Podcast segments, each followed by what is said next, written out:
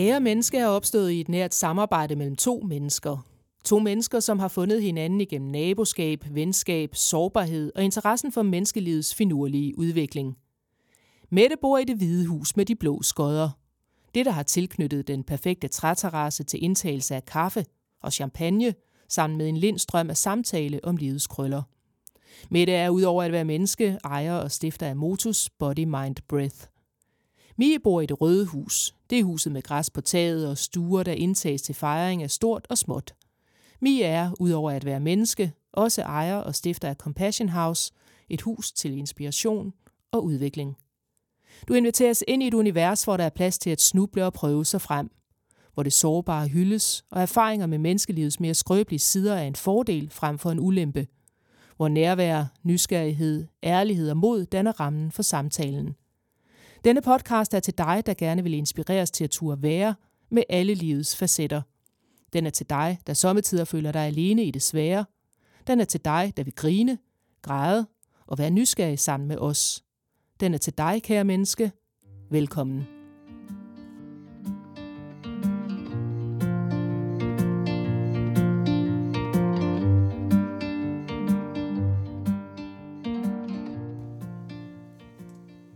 Hej Mette. Hej Mie. Så er vi tilbage igen. Vi er tilbage, og i dag, der skal det handle om pauser. Det skal simpelthen handle om pauser i dag. Hvordan har du det med dem? Blandet, vil jeg sige. Enig. Ja. Jeg elsker, når jeg formår at nyde en pause. Og så synes jeg, det er mega træls, når jeg tager en pause og ikke kan nyde den. Hmm. Hvordan kunne det se ud? Det er som regel, når jeg allermest trænger til en pause, at øh, jeg har svært ved at tage den. Og så kan det godt være sådan noget med, at jeg tænker, så er det tid til lige at lægge og trække vejret lidt. Stemple ud. Og så kører den ikke nødvendigvis på højtryk med åndedrættet, men på højtryk op i hovedet. Og så får jeg uro i kroppen. Og så tænker jeg, det nytter vist ikke, at jeg bliver liggende her og prøver at tvinge noget igennem, jeg alligevel ikke kan få igennem. Og så andre gange, så kan en pause være noget så velkommen.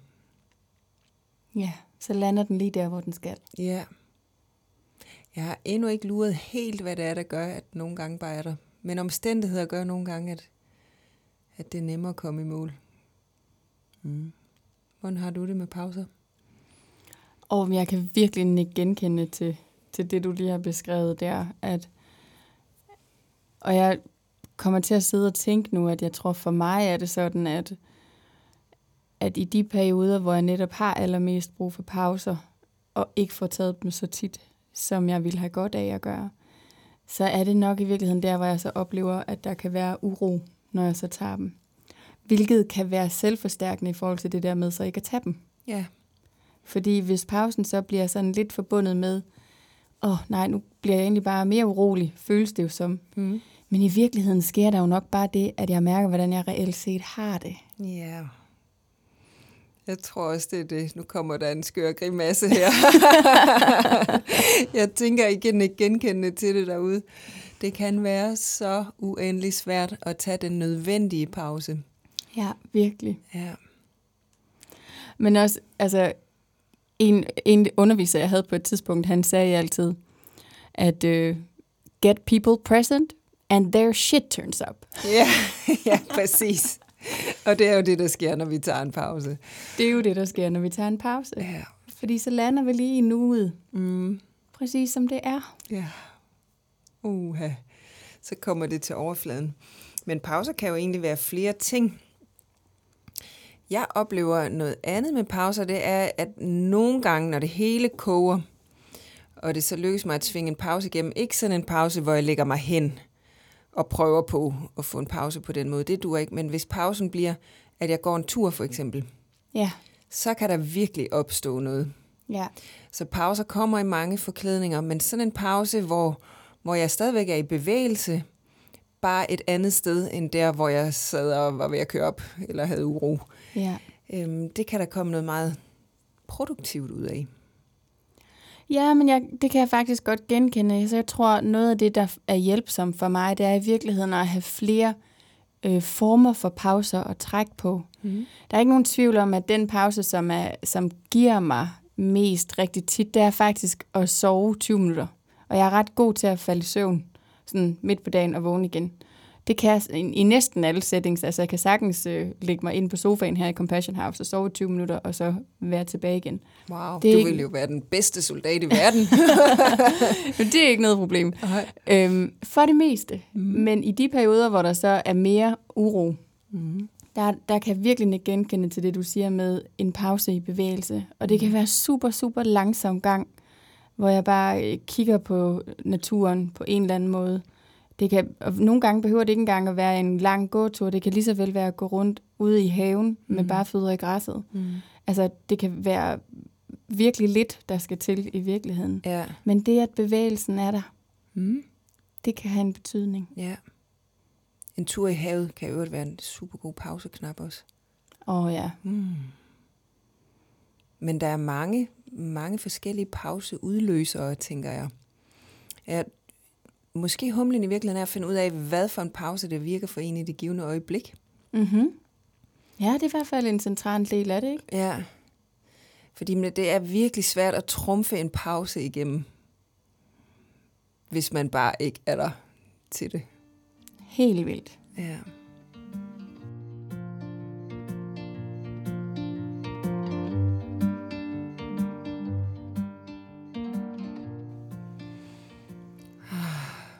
For helt lyst til at trække vejret og tage en pause. ja. Hvad gør pausen ved dig? Jamen altså, pausen ved mig gør jo det ved mig, at den, øhm, den tillader mig at nulstille. Øh, og jeg har et system, som tit arbejder meget på højtryk fra det indre al- alene. Så, så når vi så lever i sådan en hektisk verden, vi, vi har også, mm. så, så er der virkelig brug for mange pauser for mig. Øh, jeg, har- noget af det, jeg har lært med tiden, er for eksempel, at at hvis jeg husker at tage pauser i min skift på en dag, så er det virkelig noget, der er hjælpsomt. Jeg har svært ved at have, hvis jeg for eksempel skal være 6-7 forskellige steder i løbet af en dag, så dur det virkelig ikke, at jeg glemmer pauserne. Mm. Fordi det har, kommer virkelig med en regning om aftenen. Altså, så, så er jeg sådan mentalt overtræt. Men hvis jeg husker bare lige at sidde et øjeblik, inden jeg forlader bilen for eksempel, eller altså imellem, imellem de der skift, jeg har, det kan også være, at jeg har flere klienter i løbet af en dag, så det der med lige at huske at sætte mig ned og bare lige lukke øjnene, eller gå en tur ned i salen på bare fødder. Øhm, det er i virkeligheden lidt ligegyldigt, hvad det er, men bare det der med, at jeg lige gør noget for at lande, mm. sådan kropsligt i mig, Mm. det betyder noget. Ja, den er god. Og kropsligt, det er lige præcis mit clue, fordi jeg arbejder jo en del med kroppen for på den måde at arbejde videre ind i åndedrættet. Og jeg ser jo tit øh, folk, der virkelig knokler på. Både arbejdsmæssigt, men også træningsmæssigt. Der er mange, der tror, at jo, jo mere, jo hårdere de træner, jo mere de sveder, jo mere de pruster, jo bedre er træningen for dem. Og der er rigtig mange af dem, jeg taler med, eller om aktiv restitution med. Mm. Ja.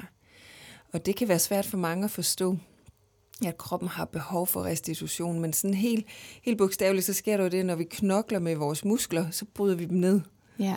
Og for at de kan få styrke, så skal de have en pause, så de kan bygge sig op igen. Mm-hmm. Det, det er bare det, der sker fysiologisk. Og, og lige den der mellemregning med pausen, den er der mange, der springer over. Ja. Vælger at overhøre knokler på, fordi så er det nok meget bedre.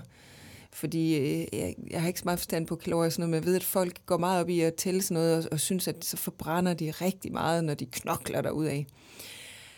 Øhm, min oplevelse kropsmæssigt, det er, at kroppen mm, omsætter mere, når den får lov at få en pause en gang imellem. Og jeg oplever også, at en af, af de følger, der kan være af at arbejde meget intensivt med åndedræt, det er, at der faktisk er nogle mennesker, der går hen og taber sig med det. Har du oplevet det også i din terapi? Øh, jeg har, jeg vil sige, at jeg har aldrig øh, skænket den tanke. Nej. Men det er i hvert fald noget af det netop, at kroppen kan få ro. Fordi det, der sker, når kroppen kan få ro, det er, at så kan fordøjelsen få ro også, og så begynder kroppen at arbejde med hinanden, Mm. i stedet for, at man modarbejder sig selv ved at blive ved med at knokle på. Ja, ja og, det, det, jeg kan genkende det rigtig meget fra, det er jo, at, at hvis man for eksempel er i en periode, hvor at, at man har rigtig meget stress, Mm. Hvis der er virkelig, virkelig mange stresshormoner, der i forvejen af alle mulige årsager bliver banket rundt i kroppen, Mm. så er noget af det værste, man kan gøre jo hård styrketræning for eksempel, mm. Og hård løbetræning, Ja, og don't. i det hele taget det der med at åh, sætte kroppen alt for meget i gang, Mm. det er virkelig ikke et særligt godt spor. Der er det sådan, det man skal stadigvæk, eller man kan sagtens stadigvæk være aktiv. Altså, det er jo virkelig hjælpsomt i virkeligheden at bevæge sig, men det er bare ofte meget mildere former for bevægelse, som er hjælpsomt. Ja. Gåtur, yoga, mm. øhm, noget som ikke belaster nervesystemet på samme måde, som nogle af de andre hårde træningsformer gør. Mm. Og det er jo også, jeg ved godt, at jeg nogle gange falder i fælden og kommer til at tale om fridykning. Men, men det, der er så interessant for, for mig i forhold til fridykning, er jo, at, at lige præcis der, jo mere du slapper af, jo mere du spænder af i din krop, jo mere pause du i virkeligheden kan give dig Mm. på en effektiv måde, Mm. jo bedre bliver du til at fridykke. Ja. Jo længere kan du svømme Ja. under vandet uden at trække vejret. Ja. Det er sådan helt, ja, og det, jeg synes, det er den fineste metafor for, at, at det er jo også sådan, det er i vores liv. Mm. Vi har en vis mængde ressourcer, hvis vi bruger dem, Ja. så er der ikke flere. Nej, præcis. Det er der bare ikke, men vi kan bygge dem op igen. Og det er jo det, vores celler kan. De skal bare lige have en pause. Ja. Ja. Og det samme skal vores hjerne, Mm. som et andet eksempel på det med pausens vigtighed, ikke? At vi kan ikke blive ved med at blive stimuleret uden at brænde sammen på et eller andet tidspunkt. Mm. Og i dag, hvor vi lever i en tid, hvor vi hele tiden kan blive stimuleret, så er vi nødt til aktivt at være bevidste omkring, hvornår er det, jeg tager mine pauser. Mm. Og jeg siger det, som om det er den nemmeste ting i hele verden. Det er det ikke. Nej, det er absolut ikke nemt. Jeg øver mig. Ja, og det kan vi vist alle sammen roligt gøre. Men jeg synes, at det er en vigtig snak at have, det her med pauser, fordi at jeg virkelig, virkelig møder mange, både i mit arbejde, men også bare ude i livet, som, som i virkeligheden på en eller anden måde glemmer eller overhører, at pausen er vigtigt. Ja, eller negligere den, Ja. fordi der er noget andet, der er vigtigere Ah, uden for en selv, eller hvad? ja, men jeg synes, det var sindssygt vigtigt sagt, det der. Mm. Altså noget andet, der er vigtigere. Ja. Og hvad er egentlig vigtigere, end at man fungerer selv? Men det er jo det, vi er så gode til. At skubbe det uden for os selv. Skubbe det uden for os selv, og måske i virkeligheden også at sætte os selv i sidste række nogle gange, ikke? Mm. Jamen, jeg skal nok tage en pause, jeg skal bare lige have du dat, dit, du dat overstået, ikke? Oh yes. Og så kunne det være, at den der pause faktisk aldrig rigtig kom. Ja. Ah, men jeg kan huske mig selv, inden jeg gik ned med det berømte flag, hvor øh, der var en veninde, der siger til mig, Mette, tror du ikke, at du skal til lige bare have en lille smule pause, bare et par dage? Og sagde, ah, der er to måneder til sommerferie, det klarer jeg nemt. Jeg prøver at tale om at udsætte en pause, ikke? To måneders udsættelse. To med, men det gik så heller ikke. Fra, fra hun havde sagt det der, gik der to timer eller sådan noget, så væltede jeg jo helt om kul. Ja. Eller to minutter i virkeligheden. Jeg tror, det var lige ovenpå, hun fik sagt, du trænger til en pause. ja. Det var jo det eneste, jeg ikke havde været inde og pille ved. Det var, at jeg trængte til en pause. Ja, præcis. Ja. Og så tror jeg også, at noget af det, som jeg kunne få lyst til, nu sidder jeg bare og freestyler lidt, men prøv at tænke, hvis man faktisk skabt en hverdag, hvor at pauser var fuldstændig naturlige. Altså jeg ved godt, at selvfølgelig har de frikvarterer og så videre, for eksempel i skolerne, mm. men jeg kan ikke lade være med at tænke, hvad med de børn, der... Altså det er jo dejligt at være udenfor og lege og være i gang og være i gang med det relationelle, men hvad med de børn, der måske kunne have brug for at sætte sig ind i et, et rum, der var roligt? Mm-hmm. Hvad med de børn, der kunne have brug for at sætte sig ind et sted, hvor der ikke var noget som helst støj, hvor man bare kunne få lov til at sidde? Ja. Sådan et rum lavede de ude på uni på et tidspunkt. Det hed, jeg synes, de kaldte det bederum, hvis jeg nu husker rigtigt, hvor det var meningen, at folk kunne gå ind og praktisere den religion, de nogle gange havde. Men rigtig mange brugte det netop til sådan et meditationsrum, og til bare at være stille. Ja, lige være præcis. fred med sig selv. Det er jo fedt, at det vender indpas. Jeg er faktisk i tvivl om, det findes endnu, det rum. Ved du det? Jeg har aldrig stødt på det, i hvert fald ikke. Det var der ikke, da jeg læste derude. Nej, det var det ikke. Det var ikke dengang, vi har læst det. Jeg har været her for nylig. Ja, men jeg synes, det lyder altså fuldstændig fantastisk, det der med, at folk har tænkt, det kan godt være, det hedder et bederum, men jeg trænger til ro. Ja. Altså, fordi Ja. det er jo, uanset hvor pokker vi bevæger os hen, når vi bevæger os uden for vores eget hjem, så er der jo faktisk en eller anden form for støj hele tiden. Ikke? Mm. Altså om det er på arbejdspladser, eller om vi er fra A til Z mm. i en bil, eller i offentlig transport, eller Ja. der er jo hele tiden noget, der lammer og støjer omkring ja. os. Ja, det er der hjemme i familien. Hjemme i familien. Der er mennesker omkring os hele Ja, tiden. det er det. Ja. Så, så det der med aktivt at sige, jamen, men, åh, jeg har brug for lige at sidde et øjeblik, hvor der ikke er noget, der, der larmer og forstyrrer. Mm. Og det er jo absolut ikke alle, der har brug for den form for pause. Men Nej. jeg bliver bare nysgerrig på, at kan vide, hvad der ville ske, hvis vi sådan aktivt i tale satte pausen som noget, der faktisk er hjælpsomt for alle mennesker. ja. Og at de der pauser ser forskellige ud. Og det er nok i os. virkeligheden det, noget af det allervigtigste. At acceptere, at pauserne er forskellige. Ja. Fordi den, den synes jeg godt nogle gange, det der med at tage en pause.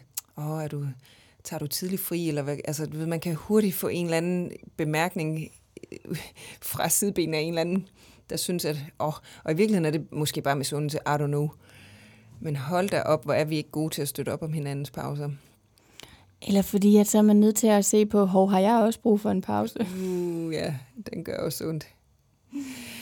Du havde på et tidspunkt, øhm, så holdt du et foredrag omkring det at holde foredrag, tror jeg, eller tale offentligt. Kan det passe? Mm-hmm. Hvad hed det kursus? Det hed... Øh, Åh, hvad var det, jeg kaldte det? Jeg tror, jeg kaldte det noget med at få ro i præstationen, eller sådan et Ja. eller andet. Det handlede simpelthen om det her med at stå og tale foran andre, Mhm. mm-hmm. kan jeg godt sige, essensen af det. Ja.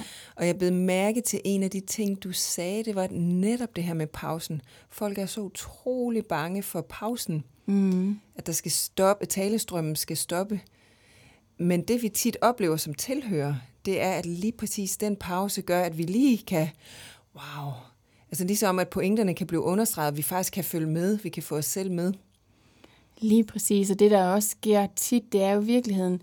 Og, og hvis I kunne få lyst til det derude, så prøv det, når I har en samtale bare med et menneske, som I kender, at der er hjemme, eller en veninde eller noget. Det der med at tillade pausen i samtalen. Fordi det giver faktisk rum til, at vi kan mærke hinanden en lille smule mere. Mm. Det giver også rum til, at man har tid til at færdiggøre både sine tanker og, og det, man egentlig er ved at sige. Mm. Og tit får vi faktisk også et, et lag dybere med i det, vi sidder og taler om.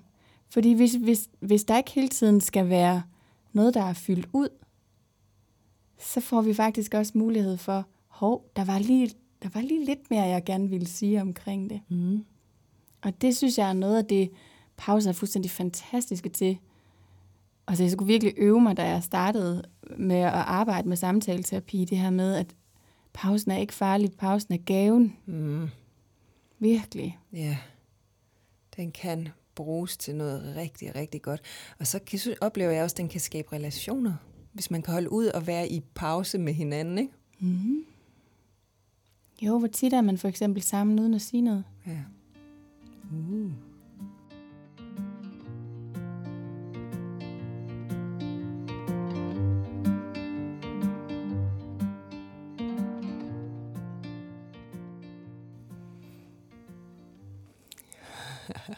Det sjove er, at vi har faktisk på et tidspunkt snakket om det her. Kan du huske vores allerførste podcast, vi optog? Der var vi bange for pausen. Ja. Og det snakkede vi om bagefter. At det, det skal vi slet ikke være, for det er virkelig godt. Det er virkelig godt. Mm. Så vi har prøvet det på vores egne rumpetter. Det er lige nøjagtigt det, vi har. Ja.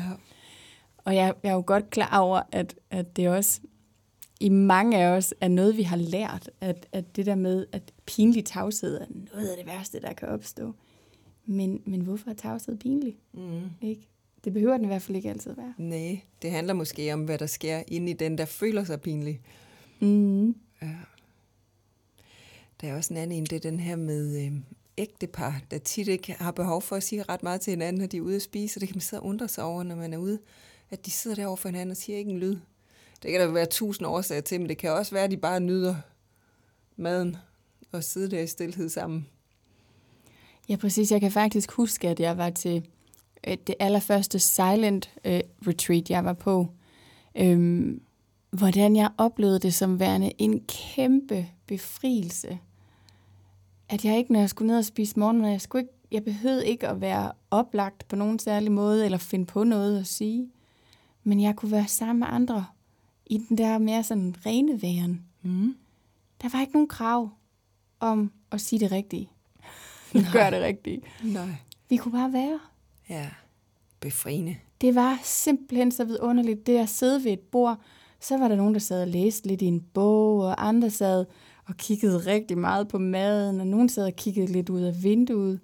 Men det med at kunne gøre de der ting, som vi normalt kun gør, når vi er alene, Mm. sammen, Mm. Det var virkelig altså, en kæmpe gave. Mm. Hvordan var det med øjenkontakten på det retreat så? Jamen, det var sådan en mildhed. At når man så kiggede på hinanden, så var der jo en forståelse omkring, jamen, vi er i det her sammen. Mm. Så det var, en, det var virkelig en anden måde at være i kontakt på. Ja. Den har også været godt guidet så, for det der også kan ske nogle gange, det er, at folk næsten undviger i blikket også, for at komme til at ikke at tale sammen. Ikke? Mm. Ja, Og så er den jo alligevel lidt skæv, fordi så kører hjernen på overarbejde igen. ja, præcis. Mm.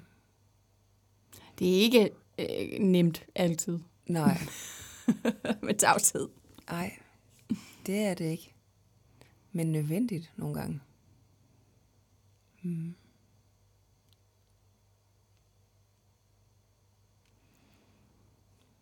Ja, i virkeligheden kan man sige, at det er ret interessant. Jeg har lige øh, ved at tage endnu et åndedrætskursus til alle dem i bøgerne, men, men hvor at noget af det, som der også bliver lagt vægt på, er faktisk, at hvis vi overtaler, så kommer vi også til at trække vejret for meget.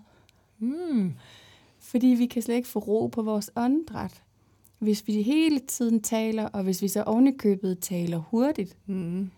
Så får vores åndedræt ikke tid til at have den der naturlige rytme Mm-mm. i Nej, samtalen. nej, vi får taget for mange åndedrag, Mm. plus at pulsen stiger, det kan man jo måle. Det kan man nemlig måle, ikke? Ja. Så det der med, jeg, jeg, tit når jeg laver kurser, så har jeg sådan en øvelse med, hvor det i virkeligheden handler meget om både at være opmærksom på, hvordan trækker jeg vejret, mens jeg sidder og lytter til den anden, og hvad sker der med mit åndedræt, når vi sidder og taler sammen. Mm. Fordi det kan noget. Det Mhm. der med at lige have opmærksomheden på, hov, sidder jeg egentlig bare og kører ud af en tangent lige nu, Mm. mm. eller har jeg mig selv med? Ja. Det er jo et super smart anker i virkeligheden. Det kære der åndedræt der. Undskyld.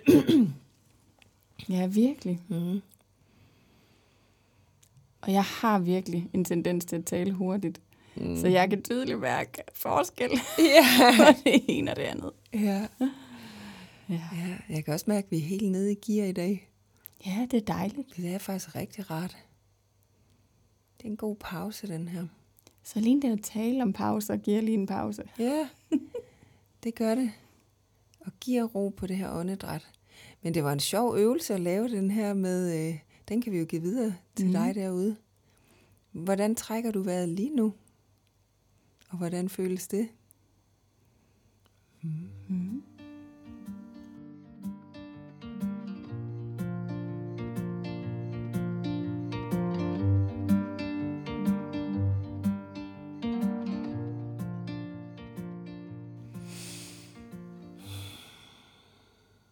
Fordi det er jo noget af det, pausen kan, ikke? Mm. Når vi lige mærker ind. Hvordan er der lige nu Mm. i åndedrættet, Ja. i mit indre? Er der noget, jeg skal tage vare på? Mm.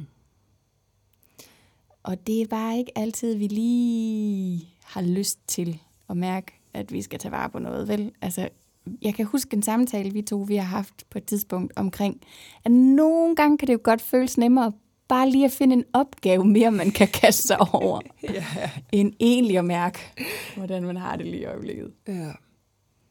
Ja, så ryger der handling i den. Eller hjerne, apropos vores øh, podcast i sidste uge. Ja, Mm. lige præcis. Ja. Lige præcis. Men der er også noget andet, pausen kan. Og den kan lave et skift i vores nervesystem.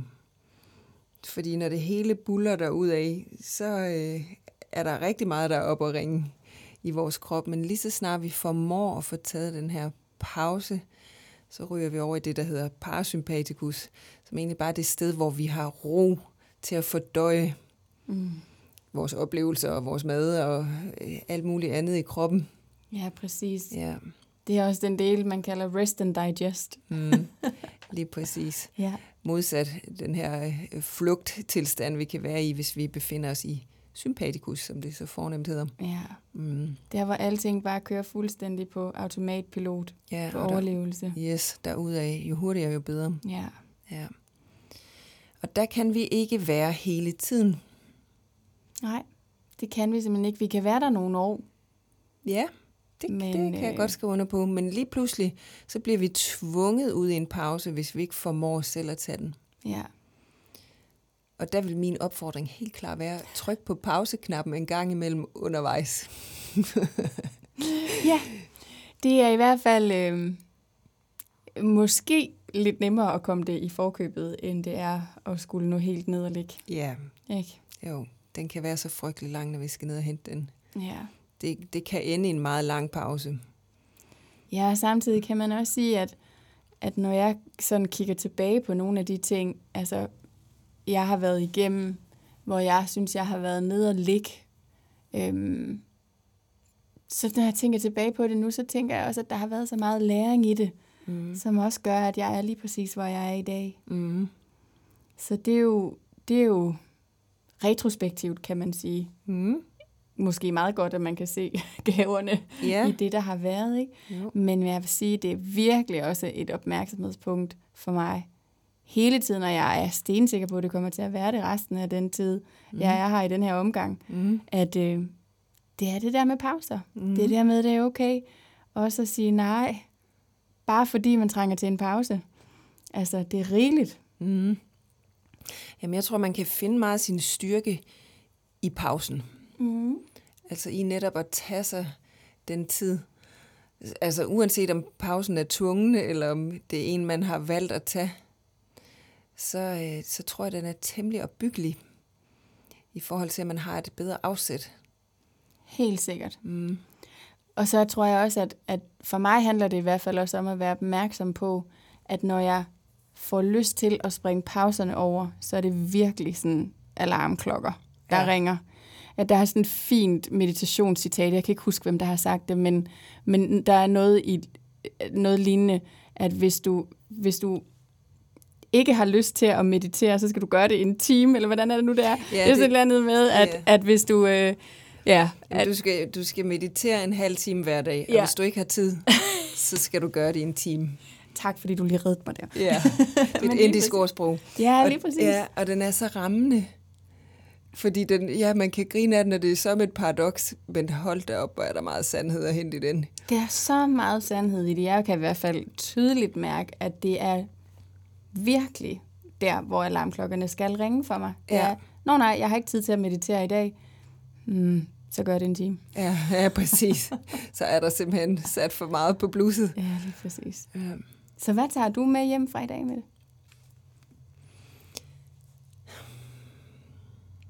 Det er jo nok noget med, at de her alarmklokker skal lyttes til. Og så at pausen kan være meget forskellig for mig.